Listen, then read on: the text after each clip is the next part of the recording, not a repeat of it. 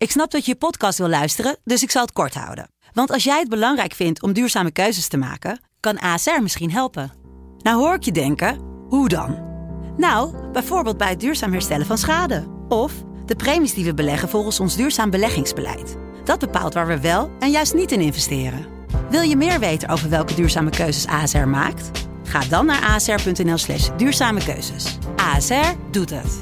Zo, dan kan je nu lekker naar je podcast luisteren.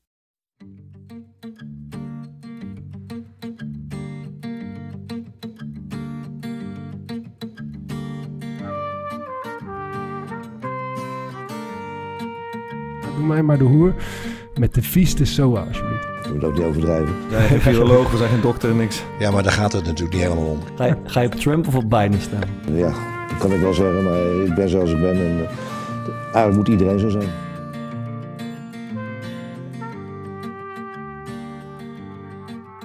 Soms moet je jezelf als voetballer even bij elkaar rapen.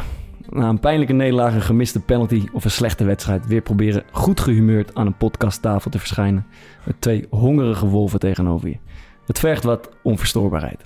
Maar dat is ook voetbal. De wereld draait door en er is weer van alles te bespreken. Zo staan we aan de vooravond van de Amerikaanse verkiezingen. Hebben we een hoofdpijndossier door te spitten. Letterlijk en figuurlijk dit keer. Daarover zo meer in de elfde aflevering van de Core Podcast. Boys, hoe is het? Goed. Ja. Ja.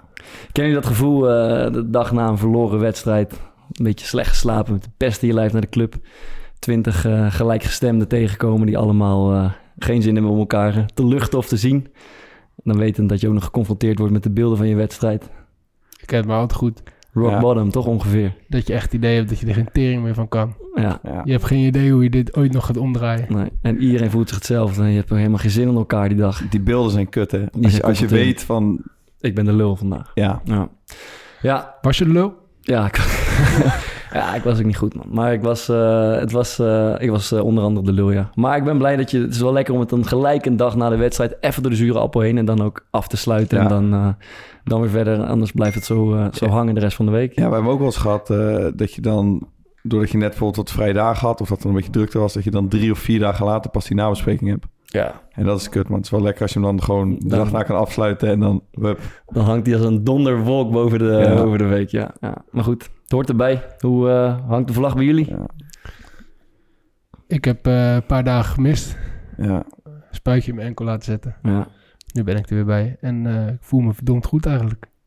Ik vraag me echt af waarom, waarom ik dat niet eerder heb gedaan. Ja, die Maar enkel voelt goed? Ja, maar dat, er zitten nu allemaal pijnstillers in ook. Dus dan, eh, dus dan voel je sowieso niks. Heb je televisieshirt aan, Fok? Zie je Hij dat? heeft zijn televisie... Hij komt recht, eh, rechtstreeks door uit eh Rijnmond. eh. Als je verhaal op tv ziet, heeft hij altijd een wit shirt met blauwe streepjes aan. Dat is, dat Als is ik je pas zou kennen sinds je bij Rijnmond zat... zou ik denken dat je van Rijnmond gekregen had. Maar ik ken jou iets, iets langer. Werkkleding. ik weet, ja, ik weet dat je een paar keer aan hebt. Ja. Maar Bart, ik vond eh, dat we vorige week een beetje eh, iets gemist hadden eigenlijk... in de uitzending over standaard situaties. Ja. En dat waren toch wel eh, de statistieken eigenlijk. ja. Dus ik heb even opgezocht. De kans eigenlijk dat uit een corner gescoord wordt überhaupt... is 3,5 procent. Dus dat is niet bijster hoog. Maar eh, er was geen berekening voor hoe groot die kans is... dat er gescoord wordt als een keeper meegaat. En ik weet niet of jullie een idee hebben wat de kans is... dat een keeper meegaat en scoort in de 94e minuut... op de dag dat je een podcast uitbrengt over standaard situaties. Negatief, denk ik. Ja, die zou negatief zijn. hè? Ja, jongen, ik werd ziek, jongen. We hebben, nemen die dag en eh, inderdaad de podcast, die, een paar dagen ervoor mij kwam die dag uit over dode spelsituaties. En de weet je, consensus aan tafel was een beetje, het valt nog niet mee om uit een corner te scoren. Eh, althans, dat was mijn interpretatie Ja, van, eh, van zeker. corners. En, eh, Ook de interpretatie van de mensen thuis volgens mij. Want Ja, het, ik denk- het ik denk dat regende we- sarcastische berichten. op Ja, ik denk dat we ook nog wel echt een, eh, zo'n mooi momentje erin kunnen knippen. Volgens mij in die uitzending met Hugo Borst dat jij zegt van... Ja, als de keeper mee naar voren gaat, Ja, ja, dan ja. gebeurt... En, en wie moet hem dan dekken? Ja, ja, dat was inderdaad... Dat was inderdaad- Want dat een had je ook na de wedstrijd, als je met Fox een eh, interview... Ja. en die zei van ja, de keeper kan vogelvrij inkoppen. Ja. En toen zei hij een beetje half geïrriteerd... ja, er staan ook negen anderen dat nog. is, toch, dat is toch zo? Ja, Ja, Of dat moet is- je nou altijd, als de keeper komt, moet je dan altijd sowieso die keeper dekken? Ik zou, ik zou het niet weten. Nee, je hebt er sowieso één te weinig. in Ja. Ah, jongen, ik, eh, ik voelde me echt letterlijk Bram van Polen. Even, eh, we hebben dat interview van hem besproken. Van dat kutvoetbal. had hij dat- Hoe noemde hij het? Geile type. Geile Geile Ik kijk, dus ik, ik sta een beetje voor aan de eerste paal. Met, eh, ik sta Michiel Kramer te dekken en ik zie die bal over me heen vliegen. En we speelden best een goede wedstrijd. 1 1-0 voor bij Den Haag. Ik denk, nou, we, zaten, we zitten sowieso in een moeilijke eh, situatie. En ik denk, en ik zie die bal over me heen gaan. En ik zie die keeper toren en die bal vliegt in de kruising. En ik weet nog dat ik letterlijk eerst wat ik tegen mezelf zei, gewoon in mezelf. Wat fucking haat ik dit. Fucking haat ik deze sport, zeg. Zoiets zei ik in mezelf. En dat, en dat gevoel, ik, moet- dat moeten jullie toch ook herkennen. Van ja, Jezus Christus, Ja. een knokje met elkaar. En dan gaat het... eh, heb je een beetje geluk nodig op een gegeven moment. En dan, en dan, en dan zie je die keep. Hij kopt overigens gruwelijk binnen hoor. Daar gaat het Ja, zo maak ik ze op de training niet. Oh, maar goed, dat... eh, Ja. En die pingel, is dat anders dan op de training? Ja, ik kon erop, ik kon erop wachten. Eh, Nee, ja, gewoon, eh, Ja, dat is een toch goede gewoon een vraag, goede, vraag. eh, anders op ik neem op training ook zelf de pingel eigenlijk. Ja, de volgende dag deden we, deden we partijen die eindigden gelijk. En eh, toen nam, ik, nam ik de pingel en die ging er wel in. Dus misschien is dat de training inderdaad makkelijker. Krijg je dan een beetje was sarcastische opmerkingen naar je hoofd of niet? Eh, ja, ik kon het gelijk recht zetten. Dus ik nam gelijk de eerste Ja. en die ging er gelukkig in. Maar eh, ja man, Eh ja, penalty-serie. Heb jij wel eens genomen? Ja, toen, eh, toen eh, kwartfinale tegen Volendam. Ja, Volendam, ja. Ja. ik, eh, Scoorde je? ja.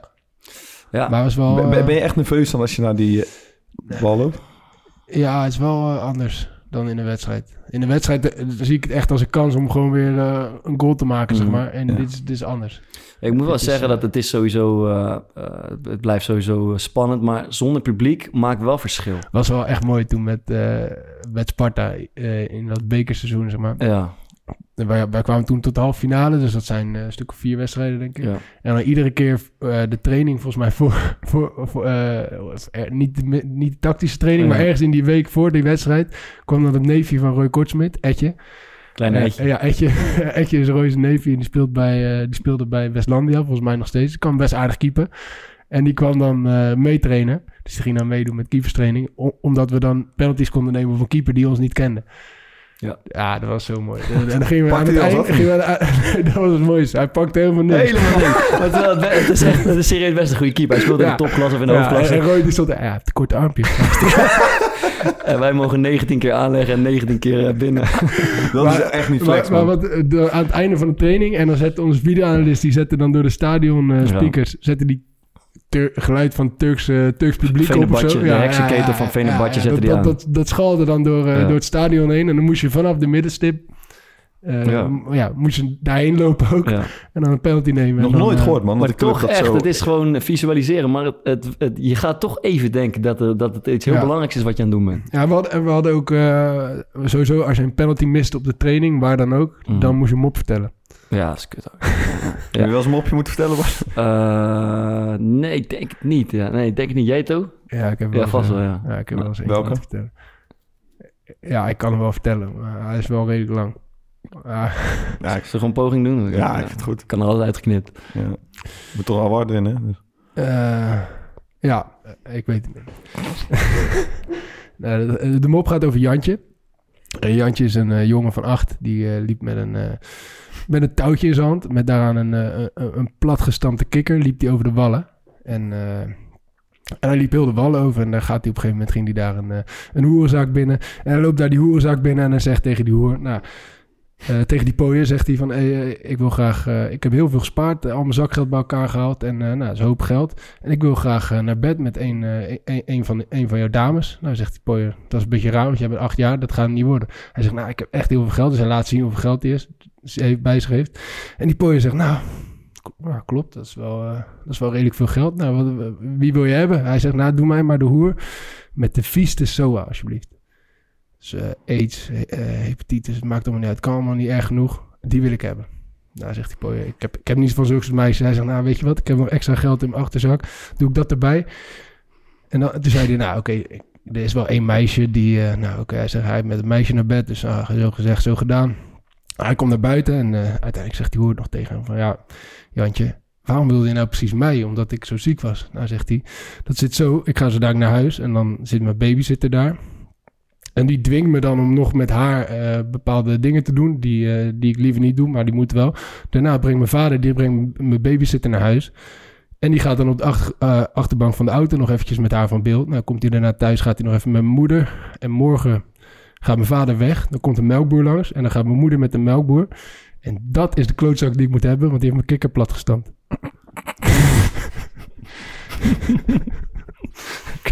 Ik zat in die bus te zoeken. nee, lekker hoor. Ja, lekker hoor. Tonkas. Waar zit die? Tonkas. Ik heb die niet nodig. Ja, voor een goede mop. Ja, lekker hoor. Ik, Ah, joh, ik- gelukkig kunnen we knippen, dus relax. Nee, laat Nee, het. Ja. slecht, Hoe werd hij ont, ontvangen Ik- in de kleedkamer? eh, volgens mij werd hij wel... eh, nou ja, ik weet niet meer. Ik weet nog Maar ik zag Fokker vechten tegen zijn lach. Hij wilde niet lachen, maar Ja. hij kon het Ja, niet ik hou ervan, man. Ik kan er niks. Ik weet nog dat Roy, eh, Dus Roy, mijn dag is goed. Roy Kortsmit moest ook een keer een eh, mopje vertellen. En die ging, eh, ging op de stoel staan en die, zei, en die begon een mop te vertellen.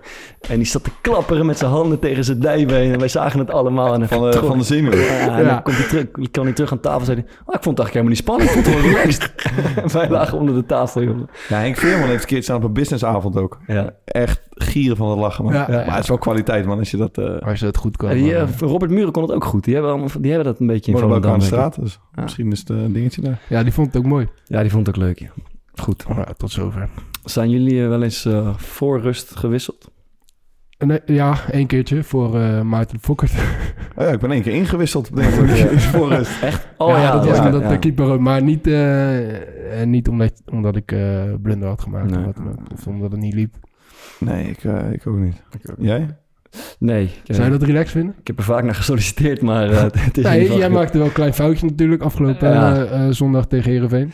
Nee, dat is... Ja. En, dat, eh, en daar kwam uiteindelijk ook indirect ook een beetje een goal uit. Dat, Ja, dat dan corner. vervolgens eh, Ja. het eh, bordje omhoog gaat en dat je ziet eh, nummer drie, eh ja, dat is... eh, kom er maar uit. Omdat je een fout hebt gemaakt. Ja, dat is een vernedering, toch? Ja, maar, maar, maar slaat het ergens op. Nee, ik vind van niet. Jij? Nee, natuurlijk niet. Ja, nou, zo eigenlijk niet. Als je nou, als Kees stel dat gebeurt in de, in, de, in de vijfde minuut en je laat de komende, de, de twintig daaropvolgende minuten zien dat je gewoon totaal niet in de wedstrijd... Ja, misschien slaat het eigenlijk wel ergens op. Als je de twintig minuten daarop volgend laat zien Ja, dat maar je dat is, totaal iets, niet dat, in de dat is wel dat is een andere situatie dan eh, wat ik dacht dat Thomas Ja, we hebben het nu over eh, Thomas Lange Ja. bij, eh bij Pek Zwolle. zit. Maar die werd ik echt vlak voor rust nog even eruit gehaald, toch? Ja, die maakte twee blunders. Ja. En, Ja. en die ene vond ik nog... eh, ja, dat was ook een blunder. Die leefde die in. En er kwamen allebei een goal uit. Ach, ja. En, eh, en ik, zie, ik zie gewoon direct, zeg maar, na, na, die, na, na die tweede blunder... Ja. zie je Stegeman staan en die zie je zo... eh, Ja. naar die, eh, Ja. naar die wisselspeler gebaren. Ja. kom Kijk, maar, warm lopen. Als jij in de vijfde minuut een ketsen maakt en je laat vervolgens 25 minuten lang zien dat je met je ziel onder je armen Ja. loopt en dat je geen paas meer normaal kan spelen, Ja. ja, tuurlijk, dan moet je eruit. Ja.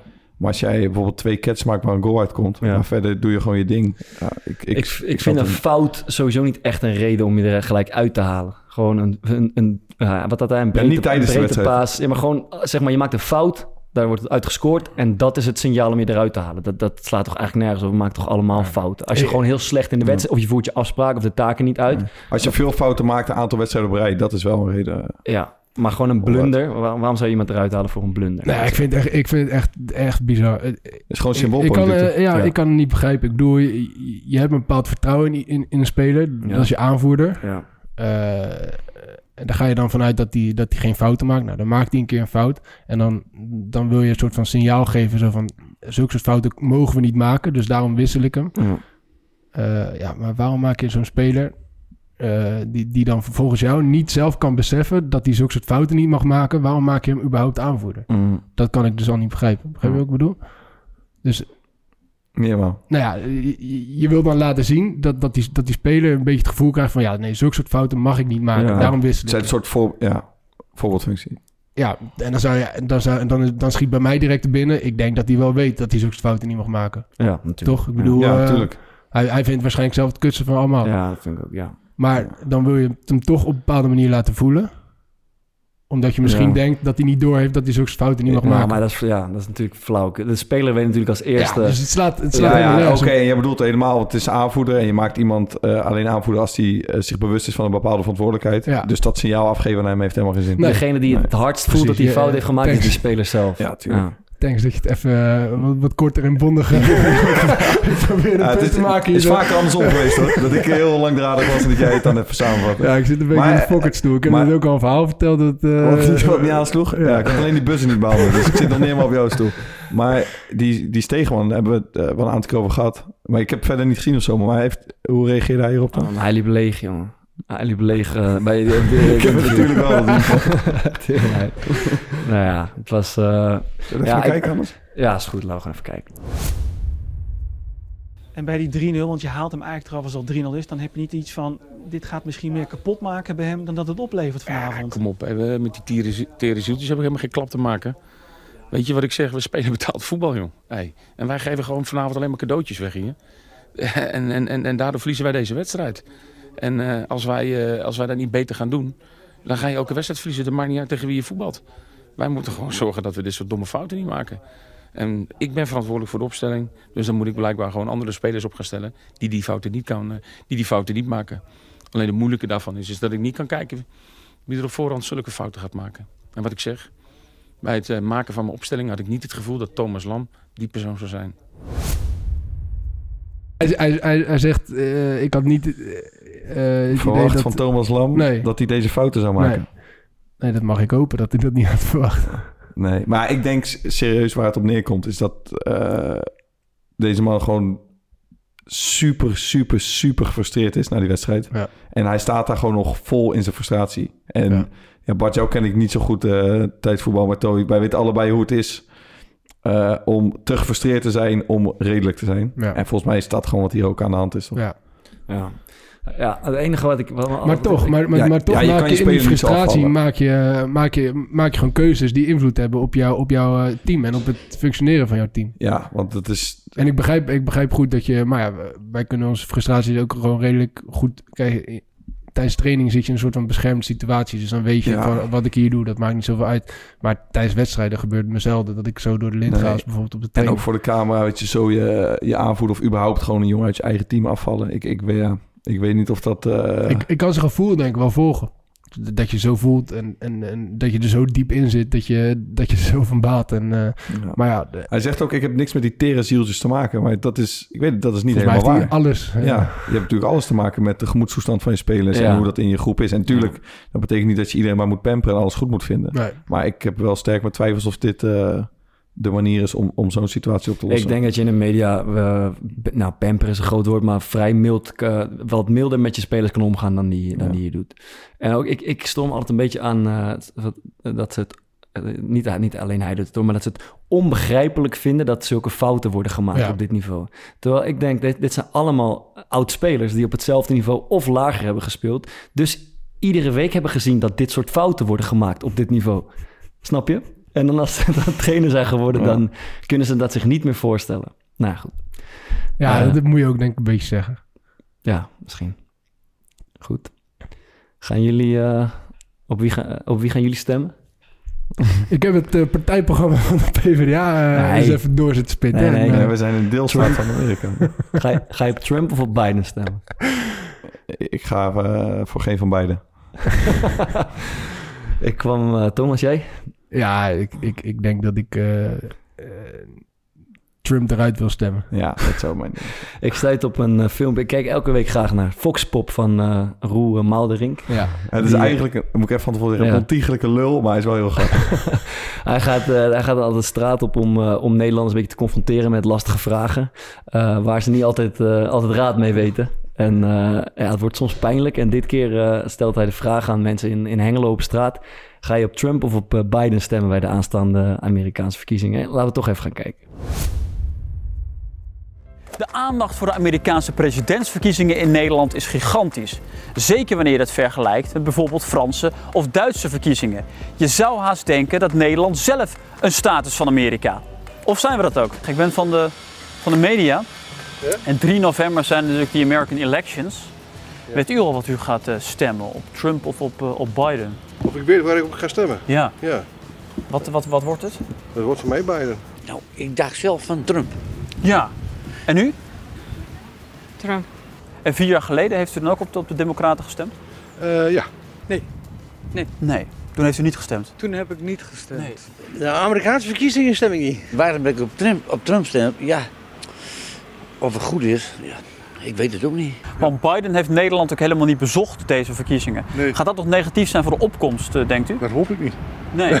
dat hoop ik niet. Dat er genoeg mensen toch wel Nederlanders op hem stemmen? Ja, ja precies. Ja. Nederland is natuurlijk van oudsher echt een, een swing state. Ja. Verwachten u nu dat, dat iedereen massaal op Biden gaat stemmen?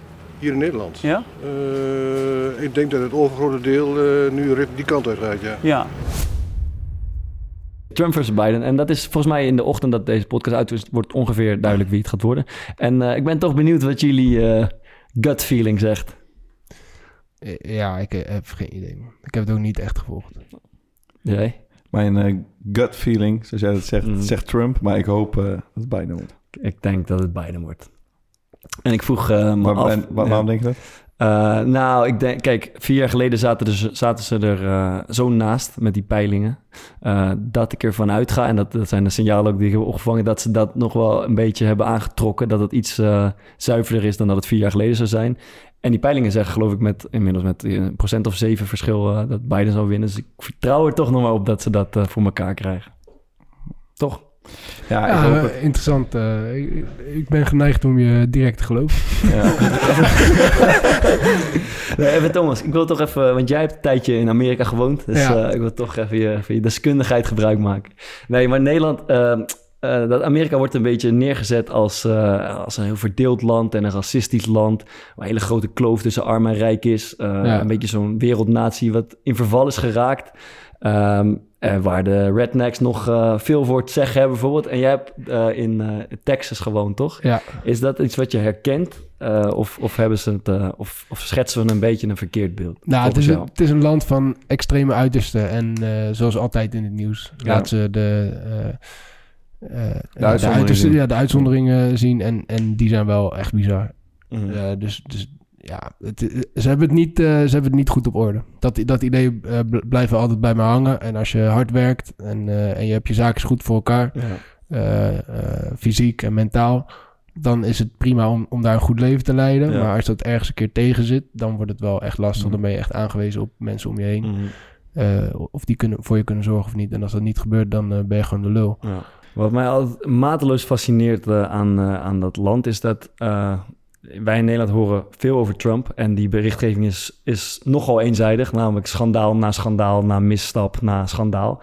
En dat dat dan helemaal niets lijkt uit te maken voor zijn, eh, of nauwelijks iets lijkt uit te maken voor zijn achterban of zijn populariteit. Daar kan ik me, eh, kan ik me zo weinig bij voorstellen. Nee, ik, ik heb hier een heel stuk eh, over gelezen en, Mm. en geluisterd van de, de correspondent. En die hebben dat geprobeerd uit te leggen. Ja. Ehm, maar je hebt daar nu in Amerika zeg maar, zo'n cultuur dat eh, of je republikein of democraat bent. Je Dat is- leeft in zijn eigen waarheid. ja, een dat, beetje. dat is eh, bijna hetzelfde als dat je hier bijvoorbeeld een voetbalclub kiest. Ja. Eh, je, je verandert daar niet meer. Ja. Mensen veranderen daar bijna niet meer Mhm. in. En natuurlijk, dat moet... eh, je hebt best wat mensen die daar wat lichter in zijn, maar een hele grote groep. Eh bijvoorbeeld Trump heeft schandaal na schandaal gehad de laatste vier jaren. En dat heeft in de peilingen helemaal niets gedaan Ja. met zijn populariteit. Ja. En eh, dat is eigenlijk natuurlijk een heel bizar iets. Want dan word je dus niet meer afgerekend op hetgeen wat je doet en hoe je een land leidt. Vrij gevaarlijk iets toch ook. Ja, ze groeien ook steeds verder uit elkaar natuurlijk. De, de Republikeinen en de Democraten. Dus, dus ja, dat, Ja, ik- het, lijkt, het lijkt wel echt allemaal op... eh, het, het lijkt gewoon een zieke tijdbom onder het land te zitten. Ja. Maar als je wat verder induikt in dat politieke systeem daar, dat, je, je stuit op de ene na de andere gewoon eh, bizarre situatie. Zoals bijvoorbeeld, eh wij hebben het hier van de week over gehad, Bart, Mhm. gerrymandering. Ja. Dat betekent dat je eh, eens in de tien jaar wordt een soort volkstelling gedaan per eh, staat. En dan mag eh, de gouverneur, die mag de kiesdistricten, mag die eh, geografisch eh, verwisselen. Maar je hebt dus best wel eh, duidelijk, eh, die kiezers klonten ook samen, zeg maar, in wijken. Ja, Maar dan kan je dus dat zo eh, gewoon tekenen op een landkaart. dat het voordelig is. voor- Voordelig is. En beide partijen doen dat. Dus er is niet één partij die daar heel veel eh Ja. voordeel aan heeft. Maar ze moeten het allebei doen omdat de andere zeg maar, het ook doet. Ja. Eh, maar dan krijg je dus gewoon een soort kiesdistricten waar dan echt als een... Het, het woord gerrymandering komt ook dat mandering komt van een salamander. Omdat het soort in een soort salamanderachtige draak op een gegeven moment al zo allemaal met eh, Ja. door elkaar heen liep. Eh, dat zijn natuurlijk dingen dat ja, is alles behalve democratisch. Ja. En dat zou in Nederland bijvoorbeeld ondenkbaar zijn. Ja. Het- startkapitaal, als je wil beginnen aan een, ehm, hoe zeg je dat, aan een presidentscampagne, Campagne, anderhalf miljard. Ja. Ja. ja. En moeten we, Ja, nee, van wie is het? Emiel Schelvis? We krijgen Emiel. Ja, nee, neem op, neem op. neem op. Hij weet het. Emiel, Thomas, ik zou je nog even bellen. Je gelooft het niet, maar eh, Het is nu te geloven. Nee. we zitten Ja. weer in de uitzending. Je bent er weer bij, ja hoor. En ik zat weer in de Maar- kutverhaal. Luister, kijken jullie niet... Er is, nog één voetbalkantine open. En dat is op maandag en vrijdagavond bij Veronica. nee, daar kijken we niet naar, Emiel. Kijk je, anders zijn jullie te intellectueel voor natuurlijk. Het is te fucking intellectueel zijn jullie daar natuurlijk. Gerrymandering. Ja, Fokker had het net over eh, gerrymandering. Weet je wat, wat het is? Nee, maar ik ben nog helemaal ondersteboven van het laatste opmerking van Johan Derksen. Die zei, wat, wat is die Bart Vriendsen helemaal aan het doen bij Sparta? Dus, Oh dus ja, dat, dat, ik denk, nou ja, weet je, dat zal toch niet, dat zal toch niet karma geweest zijn dat ik dan ga bellen. En jou wil bellen over de, met de, natuurlijk het antwoord op de vraag of Marco van Basten jullie ten dienste gaat zijn. Maar dat is, ja, blijkbaar is dat wel karma. Maar wat, wat is er gebeurd gisteren, Bart? Heb je, heb je een beetje slecht gespeeld, of niet? Ja, het was, eh, het was een aanfluiting. Ik probeerde het net een beetje weg te spoelen, maar bedankt dat je het weer oprakelt. en dat het ook eh, de heer Derks is opgevallen. Ja, nee, maar goed, het is ook die, die, die Henk Veerman is natuurlijk ook heel technisch. Dat is ook een lastige speler. Maar goed, ehm, ja, ik heb natuurlijk toch niet zulk al te goed nieuws in die zin dat ik jullie nog niet kan verblijden. Ja, Marco is een bijzonder iemand. Eh, overigens, de uitzending van Rondo kan ik wel iedereen aanbevelen, want die is echt wel leuk om nog een keer na te kijken. Want er waren echt vier Ja, dat is wel een beetje in jullie geest, de podcast. Echt vier, eh, ja, toch ook wel, nou ja, of Joachim Mulder na dan natuurlijk, maar drie in ieder geval grote voetballers. Eh, Zat jij er ook bij? nee, ik zat er niet bij. Nee, nee dat, is, eh, dat is out of my league. Maar dat is ook niet erg. Ik heb nog een tijdje gezellig met de boys gezeten. Maar in ieder geval kon Marco toch niet overhalen om ja, naar jullie eh, te gaan. Eh, ondanks het feit dat hij... hij jou kende die nog wel, eh, Thomas. Maar ja, Bart Vriends zei die kan beter een cursus verdediger gaan volgen in plaats van een podcast. En Maarten de Fokkert, ja, ik heb begrepen, Maarten, klopt het dat jij ook voor Common Goal 1% van je, je bruto salaris beschikbaar gaat stellen? Nou, ik wil het gaan doen, maar ze, ze hadden het niet nodig, zei ze. Nee, nee, oké, nou ja, goed. Ik bedoel, ja, als derde keeper van Excelsior, wat is het, vierde keeper? Wat was je nou? Vierde, vijfde keeper? Nee, tweede keeper en eerste barkeeper. Oh ja, oké, oké, oké. Nee, ja, goed, dan misschien dat je dan andere prioriteiten eh, moet stellen. En eh, misschien eh, dat, dat procentje aan de supporters van Excelsior gaat geven. Want die, eh, die worden ook niet echt vermaakt, hè, dit seizoen. Oké, Emiel, wij gaan weer door. Is goed, jongen. Veel plezier. Yo. Groetjes. Oh ja, trouwens, ik heb ooit met Corpot gespeeld, hè. En? In de zaal. Ja. Ja, in de zaal, ja, inderdaad. En geloof me, er zat ook Wim Jansen bij. En die zei op de bank, dat is toch wel leuk voor jullie, in jullie core podcast, die zei, het is niet te geloven dat deze man betaald voetbal heeft. Dankjewel, Emiel. Oké, Emiel. Yo. Wil je het nog over gerrymandering hebben? Nee, ik was eigenlijk wel een beetje, ik was een beetje op eigenlijk wel. Ja, mooi. Sluit het gewoon af, toch? Gaan we naar eh, hoofdpijn? Hoofdpijn, ja, klopt, moet ook nog, ja. Eh, hoofdpijn, het, eh, het onderwerp van, eh, van, van vandaag. Daar willen we het toch even over hebben. Dat was eigenlijk naar aanleiding van een onderzoek van NRC. Die toonde aan dat grote sportbonden zoals de FIFA, de NFL en de NHL eigenlijk systematisch wetenschappelijk onderzoek negeert. Dat wijst op het gevaar van sport voor de hersenen.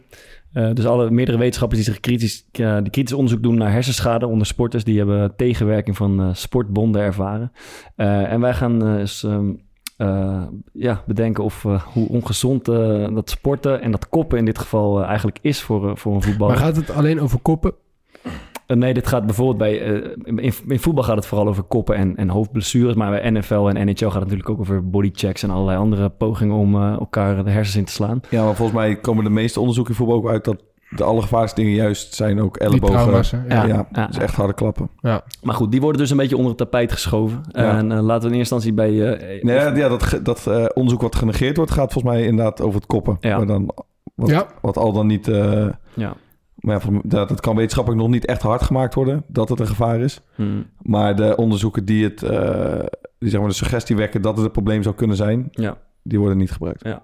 Waardoor, waardoor het dus nu lijkt, eigenlijk, dat is een beetje de bottom Alsof line. het, alsof het geen kwaad kan. Alsof het geen kwaad kan. Alsof de consensus is dat, er geen, dat koppen geen eh, schade teweeg brengt. Terwijl dat nog maar de vraag is eigenlijk. En eh, ja, hoe, over, hoeveel, hoeveel eh, kopballen hebben we het eigenlijk, zat ik een beetje te denken. En ik heb even gecheckt. Ik denk dat ik het meeste kop van ons drie. En dat is Ja. ongeveer tussen de... Ik speel ongeveer tussen de 5 en de 15 luchtduels in de wedstrijd. En er zijn natuurlijk nog wat vrije kopballen en, eh, en, en de corners met het risico dat je tegen elkaar aanloopt. Maar dat is het dan ongeveer. Het is niet superveel. Eh maar er zijn wel op de training eh, vormen die, die we doen. Voorzetten met, met koppen, corners trainen, maar ook potjes als voetvolley en zo. En dan gaat het wel over tientallen keren per dag of per oefening. eh, waarin je dus, eh, dus de bal kopt. Dus eh, alles bij elkaar opgeteld zijn er toch wel een aantal, flink wat kopballen in een week. En de vraag is dat op korte termijn gaat dat misschien niet zo, maar wat het op lange termijn mogelijk kan doen, is best veel. Eh, denk aan, aan vergeetachtigheid, Alzheimer, dementie, dat soort zaken. En om, eh, eh, om, om eens aan te tonen ja, hoe vervelend een hoofdblessure kan zijn, zit ik met twee ervaringsdeskundigen aan tafel volgens mij. Want zo, Maarten, jij, jij hebt een hersenschudding gehad, toch? Een tijd geleden. Ja, ik had... dat was het jaar dat ik bij Go Ahead speelde. Eh, speelde in het tweede elftal en ik liet een... ik kreeg een schot met stuit en die liet Ja. ik los. En die wou ik toen oprapen in tweede instantie, maar die werd voor me weggetikt. En die gozer, ik ging toen zeg maar met mijn hoofd naar beneden. En die gozer die hem binnen tikt, die klapt zeg maar, met zijn knie tegen mijn slaap aan. Ja. En ik val gelijk echt als zo'n blok om. Ja. Eh, maar die bal ging erin en ik had daarna niet echt hoofdpijn of zo. Mhm. En ik dacht van ja, weet je, als ik nou eh weet je, zielig ga lopen doen, dan lijkt het van eh, je hebt net een blunder gemaakt en er is ineens wat aan de hand. Ja. Dus ik heb toen, voor mij was het best een half uur heb ik uitgespeeld. Ja. Toen ben ik nog van Deventer naar Rotterdam gereden. Eh, voelde ik me op zich ja, wel redelijk normaal. En alleen in bed voelde ik me al echt heel erg eh, onrustig. Mhm. Super slecht geslapen. En toen had ik een afspraak eh, de ochtend daarna. En toen zat ik, ik was met een gozer in gesprek, maar ik zat gewoon de hele tijd zeg maar, aan mijn hoofd te wrijven en te voelen. En ik, ik kreeg niet echt mee wat hij nou zei. En op een gegeven moment vroeg die gozer van, joh, gaat het eigenlijk wel? En toen dacht ik van, ja, volgens mij gaat het eigenlijk helemaal niet goed. Dus toen heb ik de clubarts gebeld van, eh van Go Ahead Eagles. En die zei van, joh, je moet direct naar huis gaan. Je mag eigenlijk al niet meer rijden. Laat je thuis brengen als het kan. Nou, toen ben ik nog wel zelf gereden. Eh, want je hebt een hersenschudding en eh, je, je moet naar bed. En dan gaan we gewoon per dag kijken hoe het, eh, hoe het gaat. En ik heb daar uiteindelijk ja, zes weken over gedaan. Ja. Voordat het helemaal weg was. Ik ben tussendoor ook een keer weer te vroeg gaan trainen. Ja, dat is echt een fucking bizarre situatie. Want je, het, er is een KVB-protocol. En je moet dan uit mijn hoofd een hele week of twee hele weken zelfs... moet je helemaal normaal voelen. Dan mag je weer beginnen. En dat wordt dan volgens mij in tien dagen opgebouwd. En dan mag je de eerste dag tien minuten fietsen, de tweede dag een half uur en steeds iets meer. Maar ik voelde me al gelijk bij dat fietsen voelde ik me niet helemaal fris. Maar je hebt dan ook je hebt dan bijvoorbeeld twee weken niks gedaan. Dus dan denk je van, weet je wat, eh, ik voel me gewoon niet helemaal goed, want ik heb lang niks gedaan. Eh, steeds iets opbouwen totdat ik weer het veld op mocht. Ja, toen leek ik wel, eh, ja, kan je een grapje maken van dat ben je ook, maar toen leek ik echt op, op een amateur. Maar ik kon niet meer, ik kon niet Ja. meer bewegen, niks. Je wou maken. Nee, nee, nee, ik zou het nooit doen. Nee, maar ik kon echt serieus, ik moest over alles nadenken. We deden een keeperstraining vorm met eh, balletje inspelen. Dan moest je van de ene kant van de goal naar de andere. En ik moest gewoon over alles, Mhm. eh, moest ik heel bewust nadenken wat ik deed. En als die bal op me afkwam, reageerde ik gewoon trager. Ja. En dat heb ik toen even geprobeerd. En toen kreeg ik gewoon kortsluiting. Toen ben ik echt in een, eh, ja, in een soort halve shock geraakt. Moest ik echt super emotioneel. Ja. Ik was helemaal buiten mezelf. En toen moest ik dus weer naar huis. Ja. Heb ik vervolgens weer twee weken eh, thuis gezeten. Maar ik denk een van de meest bizarre periodes uit mijn leven, man. Mhm. Het is gewoon op de... eh, ja, ik weet niet of jij dat herkent van dat jij het had, maar ik zat dan thuis op de bank. En dan, eh, ja, je sliep dan een beetje uit. En dan ging ik bijvoorbeeld om 12 uur op de bank zitten en zat ik gewoon tot vijf uur. eh, want het was mijn huisgenoot aan het werk, tot hij thuis kwam, zat ik op de bank. En dan deed je gewoon niks, maar de tijd ging echt extreem snel voorbij. Dus dan had je gewoon de hele tijd dat je naar de... eh, je mag dan geen televisie kijken, maar dan keek je bijvoorbeeld naar de klok. Was het eh, half één. En dan zat je een beetje voor je uit te staren en dan een beetje over dingen na te denken. En dan dacht je van, nou, oké, dus nu misschien een kwartier verder. En dan was het anderhalf uur later. En allemaal van die rare dingen. Ja. Ik, het was die wedstrijd tegen NAC. Maar dat is ook bizar, want ik kreeg een eh, tik op mijn hoofd. Het was hard. En eh, een beetje richting mijn slaap. En er ontstond een klein sneetje volgens mij. En eh, ik, was nog een beetje boos eh, dat dat gebeurde, zeg maar. En eh, ik, ik stond aan de zijlijn, dus ik liep direct naar de zijlijn. Ik zeg, volgens mij bloedt het. En in, in mijn adrenaline merkte ik nog helemaal niet dat ik echt Ja. een goede tik had gehad. Dus ik stond nog een beetje te schreeuwen naar de vierde man, volgens mij. let nou eens een keer op. En Ja, je, je, je ziet het toch. En, dus ik leek gewoon super scherp op het Ja. moment dat het gebeurde. En toen ging ik gewoon terug het veld in. Even voetballen. En na, denk vijf minuten of zo, kreeg ik allemaal zwarte vlekken voor, voor, mijn, ja, voor mijn gezicht, zeg maar. Dus ik kon ik niet meer normaal zien. Toen dacht ik wel, eh, Ja. ik, denk, ik denk dat ik moet laten wisselen. Ja. Maar dat is dus, dat, dat, dat is dus raar, want eh, tenminste, dat, dat is het moeilijke. Want je, ja, volgens protocol moet je natuurlijk bij zo'n hersenschudding zo snel mogelijk stoppen met, Ja. je, met je inspanning. Ja. Eh, maar ja, je hebt dus zelf niet eens altijd gelijk door Nee. dat, dat, dat, dat er iets is gebeurd. Ja.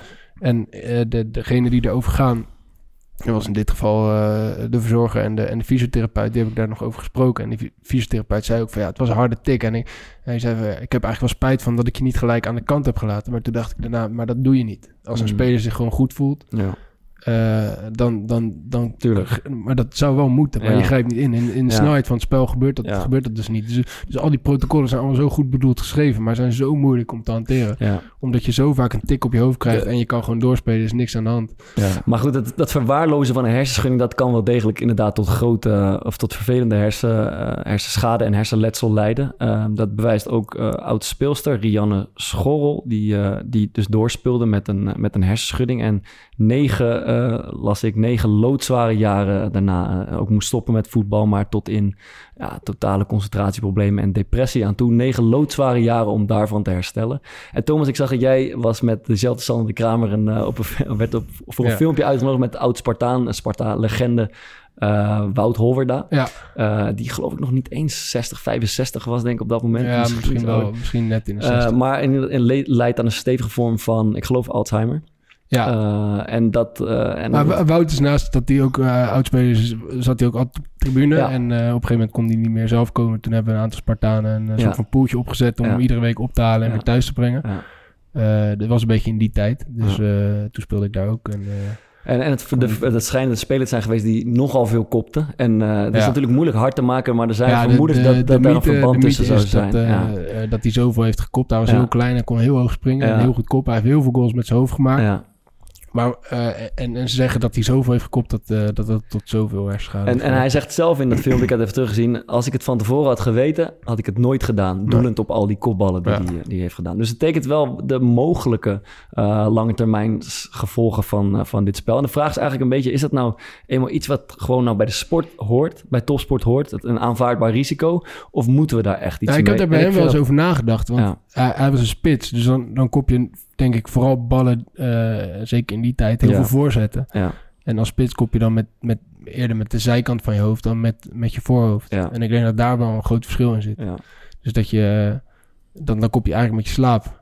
En, en, en dat is denk ik veel kwetsbaarder dan je, dan je voorhoofd. Ja. Dus ik denk, ik- eigenlijk, er zijn natuurlijk zoveel spelers die, die in, de, in de jaren zoveel ballen hebben gekopt en die Mhm. daar niks aan over hebben gehouden. Eh, z- zou je er wel van uit moeten gaan dat het over het algemeen veilig is. Maar er zijn misschien altijd wel een paar gasten die er... Ja. Eh, ik weet nog wel dat... eh, nou, komt er weer Alex van Stoor, die, eh, die vond dat in de jeugd... Ja. dat er te weinig werd getraind op koppen. Ja. En eh, eh, hij vond dat sowieso dat mensen niet, dat spelers niet goed genoeg konden koppen. Dat we overal trainen behalve koppen. Dus wat Ja. zijn plan was, was om iedere dag twee van die voetvolleyveldjes uit te zetten. Ja. En dan deden we kopvolleybal. En dat Mhm. betekent dus met de bal opgooien, Ja. met je hoofd serveren. En dan vervolgens gewoon twee tegen twee en dan alleen met je hoofd. Ja. En eh, ik zat op een gegeven moment zat ik thuis. Toen Ja. ze- ik speelde altijd met Michel. Ik speelde iedere dag met Michel Breu speelde. En ik zeg op een gegeven moment tegen Michel, ik zeg Mies, heb jij dat ook wel eens? Dat je gewoon niet op namen kan komen. Dat, je Mhm. niet, dat, je, dat, dat je, dat je woorden weet, maar dat je ze gewoon niet, Ja. dat je er niet op kan komen. Hij Ja. zegt, ja man, dat heb ik ook. Mhm. En ja, toen legden wij toch wel vrij snel de relatie met Ja. eh, iedere dag eh, eh, 15 keer een pakje suiker eh, over het net heen koppen. Ja. En eh, vo- vooral bij die service, want die, kop, die service die kopten we echt Ja. met, de, met de zijkant, met de zijkant. Met Nee, de zijkant eh, van ons hoofd. Eh, en, en de rest van het spel niet. En, eh, en, en toen zijn we ermee toen hebben we het gezegd tegen Ajax, toen zijn we er gelijk mee gestopt. Ja. En eigenlijk daarna eh, kwam dat vrij snel, herstelde zich dat Ja. wel weer. Maar dat, dat leek gewoon Maar wel dat, echt... je had echt serieus dat je soort verwaard was. nou, ik had, ja, ik had serieus dat ik gewoon niet, gewoon verder gewoon prima functioneerde, maar dat ik niet op namen kon komen. Dus En gewoon, Michel ja. zei dus goed van hersteld. Eh, ja, dat klopt. Maar, eh, oei. dat was, was Michel helemaal niet. Ja. Nee, maar ja, maar dus, dus ik denk, ik ben, ben er eigenlijk wel van overtuigd dat het... eh, Ja, ja, maar wat, kijk, in Engeland doen ze bijvoorbeeld eh, ehm, eh, jeugd, jeugdspelers. Tot 11 wordt het verboden om te koppen op Ja. training. En van 11 tot 16 eh, wordt koppen een beetje geleidelijk geïntroduceerd. Dus doen ze het voorzichtig aan, gaan ze ik weet dat Daan. Bovenberg, die Ja. deed niet aan kop op training. Ja, Mart, Mart Dijkstra ook niet. Ze ze, Nee, maar die had de andere reden volgens mij. Die had ergens een keer een hersenschudding gehad, Ja. dus die was ermee gestopt. Maar Daan gewoon serieus, omdat hij bang was dat hij... Echt? eh, ja, volgens mij Echt wel. ja. ja. Eh, als ik dat goed heb onthouden wel. Ja. Die, Hmm, die, die kopte wel in wedstrijden, maar niet... eh, er maar menig niet- binnengekopt, maar niet, volgens mij ja, ja, maar, niet bij, Hmm. maar tijdens trainingen deed hij dat niet. Ja. Misschien is het net zo'n beetje met die vrije trap voor jou. Als je op de training niet kopt, dan scoor je ze in de wedstrijd wel met je hoofd. Ja. Ja, hij, hij had volgens mij het idee dat dat wel iets met wiskundig inzicht eh, te maken kon hebben. Dat hij zo vaak op de goede plek stond bij, eh bij dat was en misschien bevorderd werd dat hij op de training nooit kopte. Het zou kunnen kloppen, want ik sta altijd op de verkeerde plek bij corners en vrije trap. En wiskunde was niet jouw. Nee, absoluut niet. ik ook trouwens.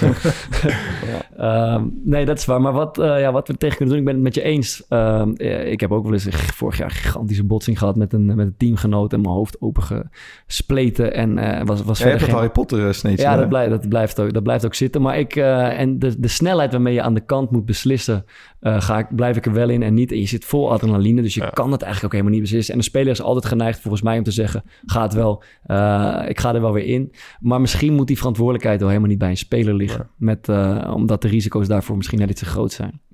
Nee, dat Ja, klopt. de- maar ja. het, het, het moeilijke is, eh, en dan kom je gewoon op een, eh, eigenlijk op een ethisch dilemma uit. Ja. Als je gaat zeggen, gaat de gezondheid van de speler voor of het resultaat? Mm. Zij altijd zeggen de gezondheid. Ja. Maar in het heet van het spel, Ja. helemaal als de belangen groter zijn, Ja. als het je belangrijkste speler is. Ja. En als hij dan vervolgens zegt, hey, het, het gaat, ik zweer het, ik voel niks, ik voel niks. Ja, Ja. probeer dan maar, hoe, Ja. hoe ga je dat managen? Ja. Ja, maar ja, het is, het is echt wel goed om daar gewoon eh, een soort van beleid eh achter Want ik heb eh, vorige week tijdens aan de telefoon gehangen met Ivo Hageman. Dat Ja. is een, eh, de innovatiemanager van Heracles. En zijn vader is eh 30 jaar lang eh, neuroloog geweest. Of is het dus nog steeds, maar is met pensioen. En eh, zij hebben daar een artikel over geschreven. eh, met z'n tweeën. eh, waar ze een soort van alle onderzoeken die hiernaar gedaan zijn. eh, dus hersenletsel bij voetballers. eh, een soort samengevat hebben. En daar komt dus uit dat er nog inderdaad geen hard wetenschappelijk bewijs is eh, voor dat koppen Ja. schade zal opleveren. Maar dat er wel echt duidelijk bewijs is dat je van bijvoorbeeld een elleboog of kop tegen kop of een botsing bijvoorbeeld van een keeper die uitkomt met een, eh, met een knie van iemand of een Mhm. voet. Ja, dus trauma Dat je- echt. eh. Ja, dat je daar maar één keer een verkeerd moment hoeft te hebben. En dat kan gelijk zeg maar levens- eh, of carrière en levensbepalend zijn. Eh, dus wat mij betreft eh, zou je daar wel wat strenger op Ja. of strenge regels over kunnen maken. Ja. Bijvoorbeeld, je hebt één situatie en als ik dat altijd zie, dan krijg ik gelijk het kippenvel. Dat is bij ons in de jeugd een keer gruwelijk misgegaan. Als er een diepe bal komt en die keeper komt op volle snelheid uit. Die spits sprint vol en er loopt dan tussen de keeper en de spits loopt een verdediger. En dan geeft zo'n spits op het laatste een moment een, een duwtje. Ja, ja, En we hebben het in de A1 gehad, dat we eh, een Poolse keeper, Camille. En die kwam dus uit. En onze eh, jongen die bij VOC speelt, Stijn Hoebe. Ja, Die eh, krijgt een setje en die struikelt en die klapt vol met zijn knie. Pingetje. Die klapt vol met zijn knie ehm, op de, de oogkas van die keeper. Ja. Ja, dat bot steekt eruit en echt, eh, het is ontzettend ongelukkig. Maar dat zijn wel acties waarvan ik denk, als je op zo'n moment een zesje geeft als spits, dan neem je zo'n risico om Ja. iemand echt eh, ja. schade toe te brengen. Terwijl, terwijl ze daar van tevoren natuurlijk niet, niet over nadenken. Dat nee, ze, maar ik denk als je daar eh, gewoon een afspraak over maakt... en Ja. dat het bijvoorbeeld in zo'n scheidsrechtsmeeting... die we aan het begin van het seizoen hebben... ehm, dat gewoon uitleg van luister... als je echt bijvoorbeeld als je een kopduel met je elleboog aangaat... of als je... maar eh, er zit er ook wat in voor de keeper. De keeper, keepers komen toch ook als zotten uit. Te- Helemaal eens. eh, ik, vind, ik vind dat ook dat je je altijd maar overal mag beschermen. Ja, Ja, ik vind dat ook een beetje... Ik heb er zelf vaak genoeg gebruik van gemaakt. ja. Maar ik vind het ook een raar regel. Ja. Want je hoeft ik, niet... heb in dat kader echt, eh, echt vaak eh, ben ik, ben ik gewoon overhoop gelopen door, door, door een keeper. Die Ja, gewoon dat- eigenlijk weet je wat levensgevaarlijk is? ik, ik heb dat zelf eh, helemaal mijn jonge jaren... Jonge jaren... Fuck. Jonge jaren... jonge jaken. jonge jaren vaak zat gedaan. Dan komt er zo een beetje zo'n vallende bal. En dan loopt iemand met zijn rug naar jou toe. Ja, En dan spring je vol met je knie. Ja. Gewoon op zijn rugwervels. Ja. Want, het is geoorloofd om te doen. maar natuurlijk levensgevaarlijk. Ja. Als jij, weet je, je, je hoort wel de keeper los zeggen, maar je weet niet waar die komt. ja. En dan komt er ineens zo'n kamikaze-piloot in Ja. je nek. Ja, Ja, ja. dat is natuurlijk net zo gevaarlijk.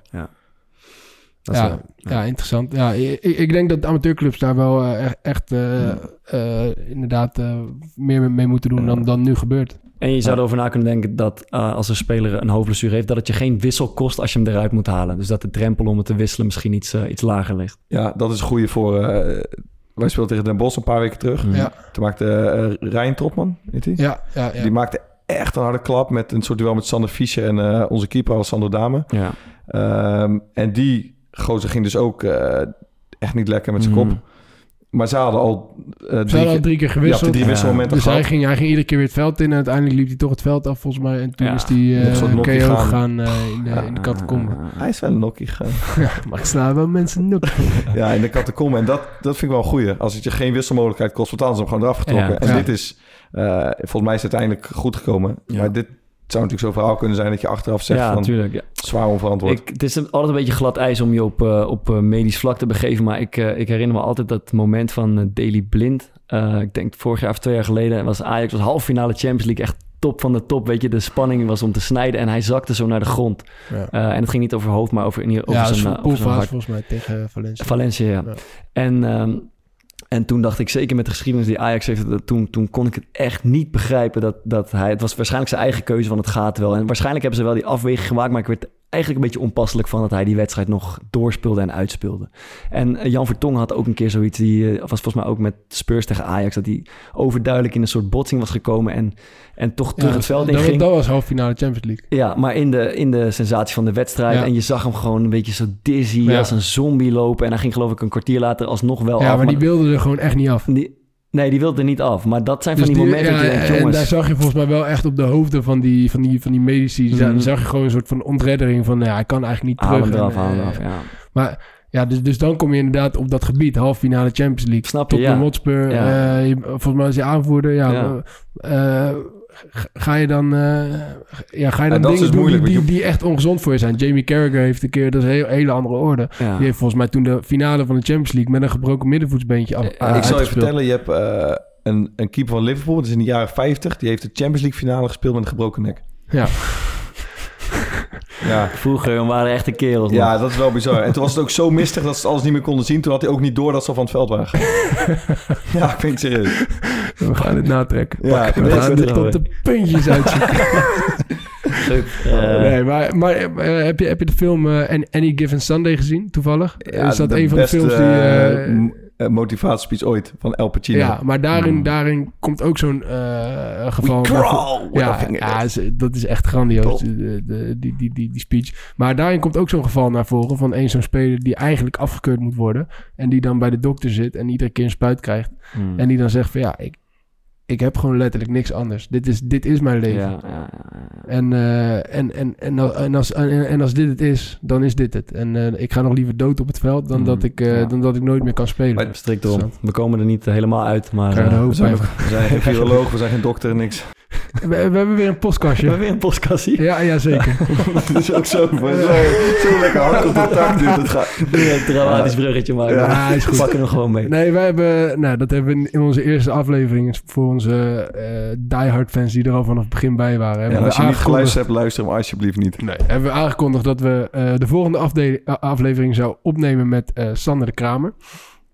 Eh, die aflevering hebben we ook daadwerkelijk opgenomen, alleen nooit uitgebracht. Nee. Omdat we eh, vonden dat het... eh, we hadden hem opgenomen in de huismeester in Rotterdam en we vonden het geluid eh, op de achtergrond... maar goed, Sander is een goede vriend van mij en ik, ik kom nog wel eens bij, ik kom nog wel eens tegen en ik kom wel eens bij hem over de vloer. En eh, ik heb niet het idee dat hij er blij mee is. Dat, eh, hij, eh, hij slaapt, slaapt niet meer.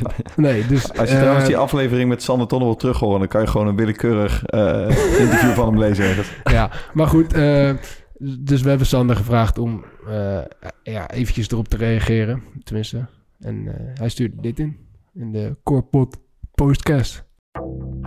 Postkast, Korpots, postkast. Ja. Zogenaamde heren van de Core Podcast. Sander de Kramer hier. Jullie hebben mij geïnterviewd maanden geleden. En jullie zeiden daarbij: morgen wordt het uitgezonden. Ik zei nog: is het hier niet een beetje voor herrie in de café? Nee, dat was het niet.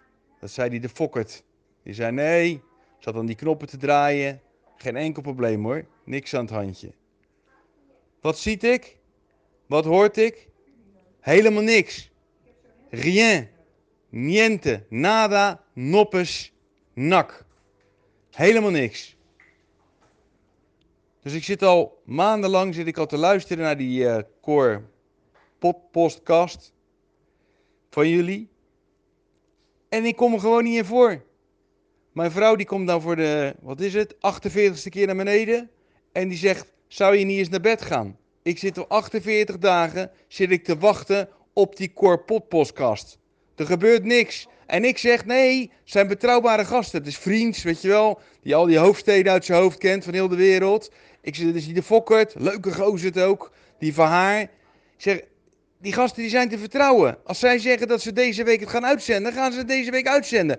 48 keer ruzie gehad al met mijn wijf. Is dat niet normaal hier met jullie, joh. Maar eh, bekijk het maar. Ik ga naar mijn nest. Ik geloof, ik geloof jullie niet meer. Ik geloof er geen hol meer van. Zoek het maar uit. En voetballen kennen jullie ook niet.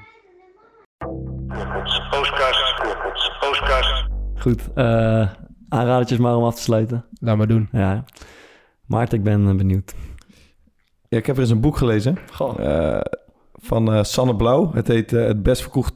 God. Oh, is- Wat is dit nou? Hij jongens? blijft het doen, hè. Ik ben ook gewoon nog niet hersteld van die hersenschudding. Best verkochte. Blij dat die camera er niet is, mijn broers, deze week. Het best verkochte boek ooit. En er staat een klein sterretje bij met deze titel. Mm. En dat gaat eh, over hoe cijfers eigenlijk worden misbruikt eh, in de media, over het algemeen.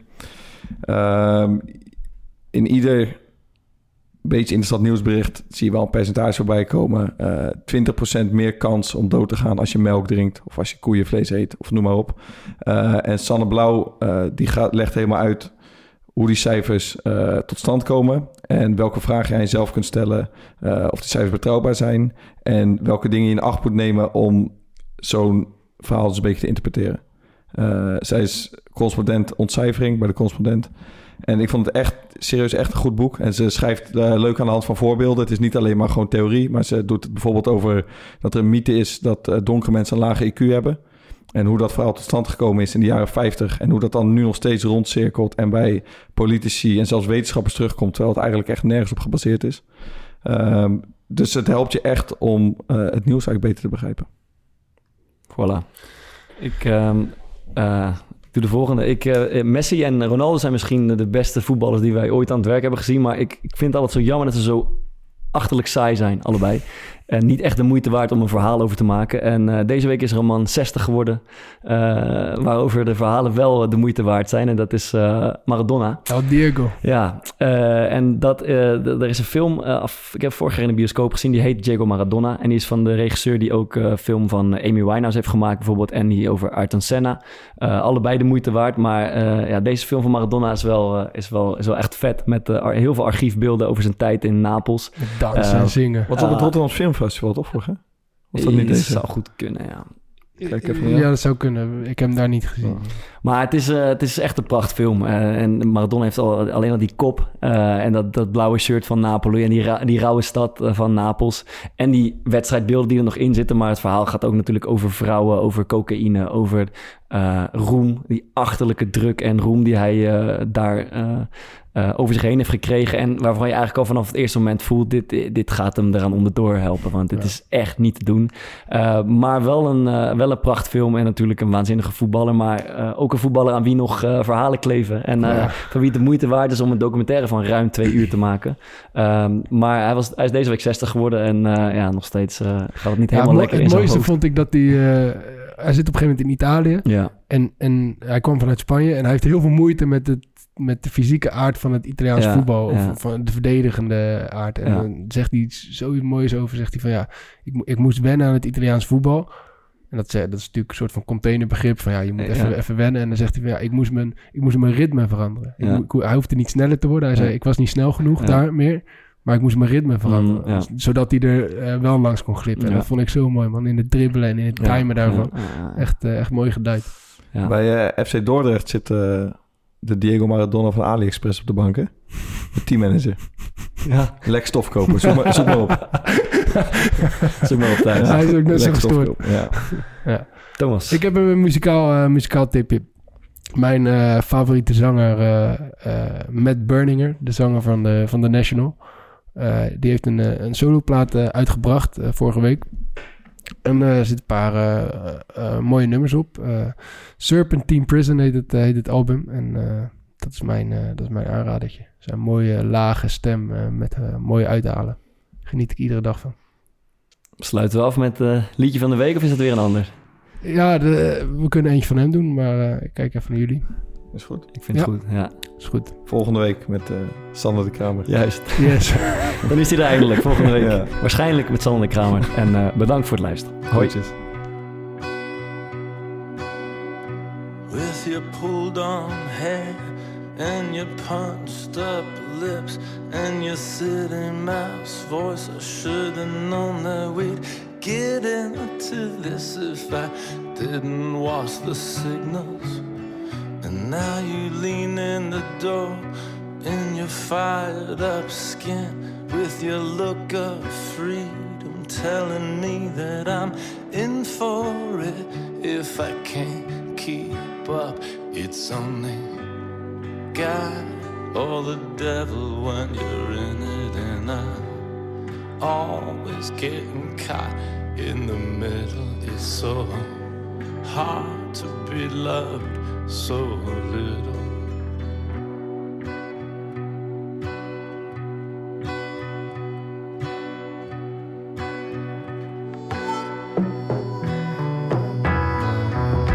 Time to rip out the phone. Why are people